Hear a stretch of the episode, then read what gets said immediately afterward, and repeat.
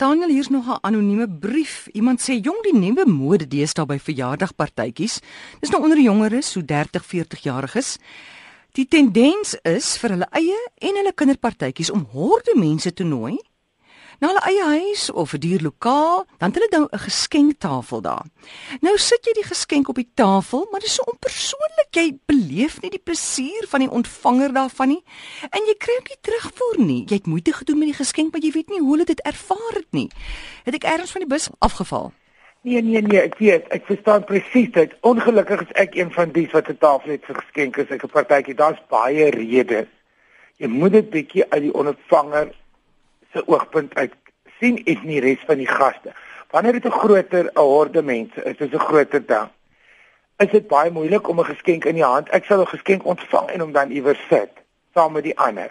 Vir my is dit die grootste plesier persoonlik. Dit is nie 'n etiketreël nie.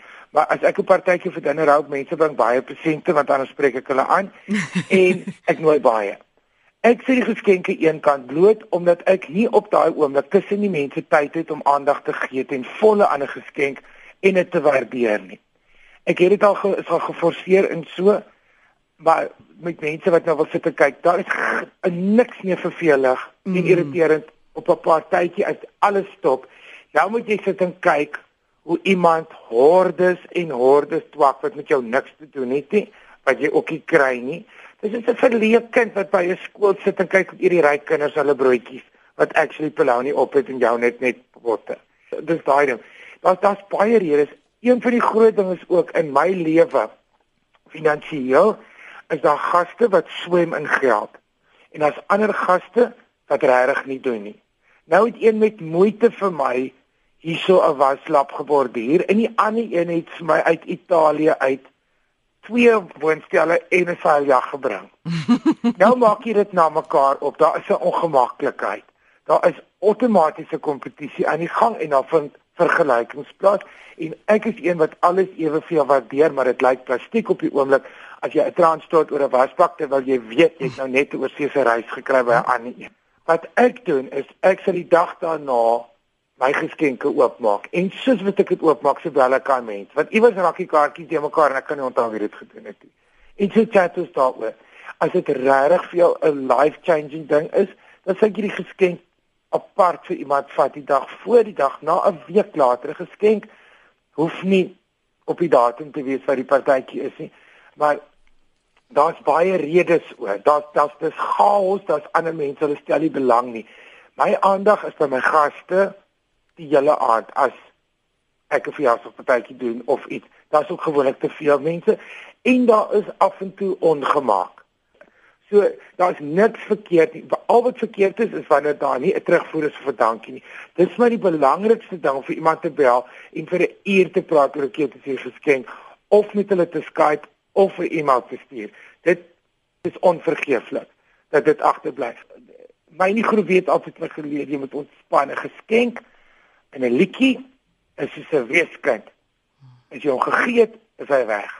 Wat die ander een moet hom aandoen en hoe hy sy lewe lei en daarop hmm. reageer is nie meer jou probleem nie.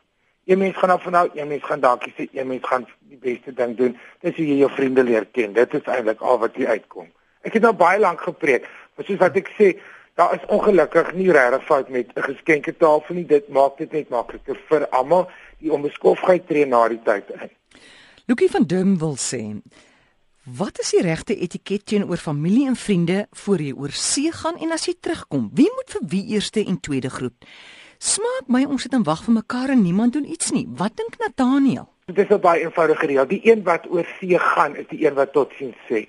Jy is die een wat mense met die tyd in kennis stel. Jy gaan jy's gewoonlik doen ek het van die lughawe as ek in die lounge gaan sit en my gin and tonic daar, dan het my foon gevat en vir die wat ek liefhet geblaas, ek op die lughawe skree almal, "O, oh, is jaloers, o, is fantasties, o, bring die sê."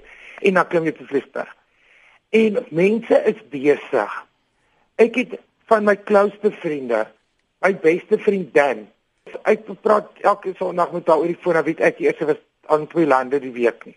Ons is besig. So mense het nie 'n dagboekie of 'n yskas nie, tensy jy die tyd het of soos my ma is wat regtig aan almal belangstel en op die yskas skryf wie kom wanneer terug om dit die lewe vir almal makliker te maak jy is die een wat hierdie projek begin om oorsee te gaan en wat nie ontwrig nie, maar wat almal hierdie ekstra druk op sit dat hulle moet onthou. Maak dit net eenvoudig. Bel en sê ek is lief vir jou. My huis is na gekyk. Moenie worry nie. Ek gaan oorsee. My foon is op roaming as jy SMS wil stuur en jy's die een wat 2 dae na die tyd wanneer jy afgepak is, uitgeslaap is, jou jetlag is weg en jy besluit wie kry 'n persentjie en wie kry nie bel en sê hallo ek is terug. Hoe gaan dit? Wie lewe nog? Wat het gebeur?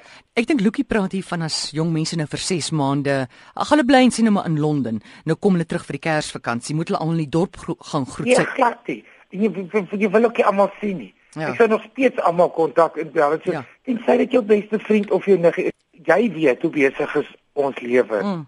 Ek hou nie tred met wat om my aangaan nie. Ek haal dit net elke dag. So om daai ekstra spanning en en verpligtinge op mense te sit. Die een wat travel, as ek in Londen aankom, bel ek al my bel of ek e-mail vir die vorige dag of 'n week ja. voor die tyd om. En sê ek is vir 2 weke in Londen, wie sien ek wanneer? Ja. Jy doen dieselfde as jy Suid-Afrika toe kom.